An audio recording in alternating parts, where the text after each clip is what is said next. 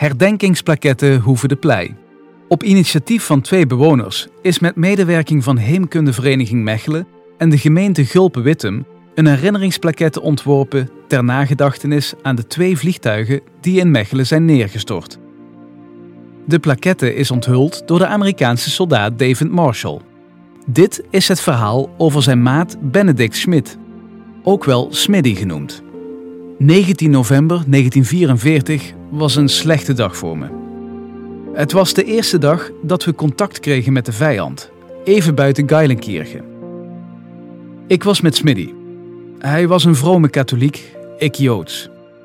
Maar dat gaf niet. We zaten in hetzelfde schuitje. We waren onafscheidelijk. Tijdens een pauze zei Smiddy plotseling tegen mij: Luister, als er iets gebeurt met mij, moet je mijn ouders opzoeken. Ik zei: Dat doe ik niet. Maar hij drong aan. En om van hem af te zijn, zei ik: Oké.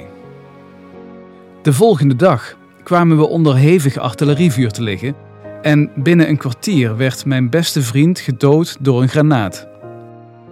Ik kwam heel huids thuis en ik moest zijn ouders vertellen wat er met hun zoon was gebeurd. Het heeft zes maanden geduurd voor ik de moed kon opbrengen om Smiddy's ouders op te zoeken.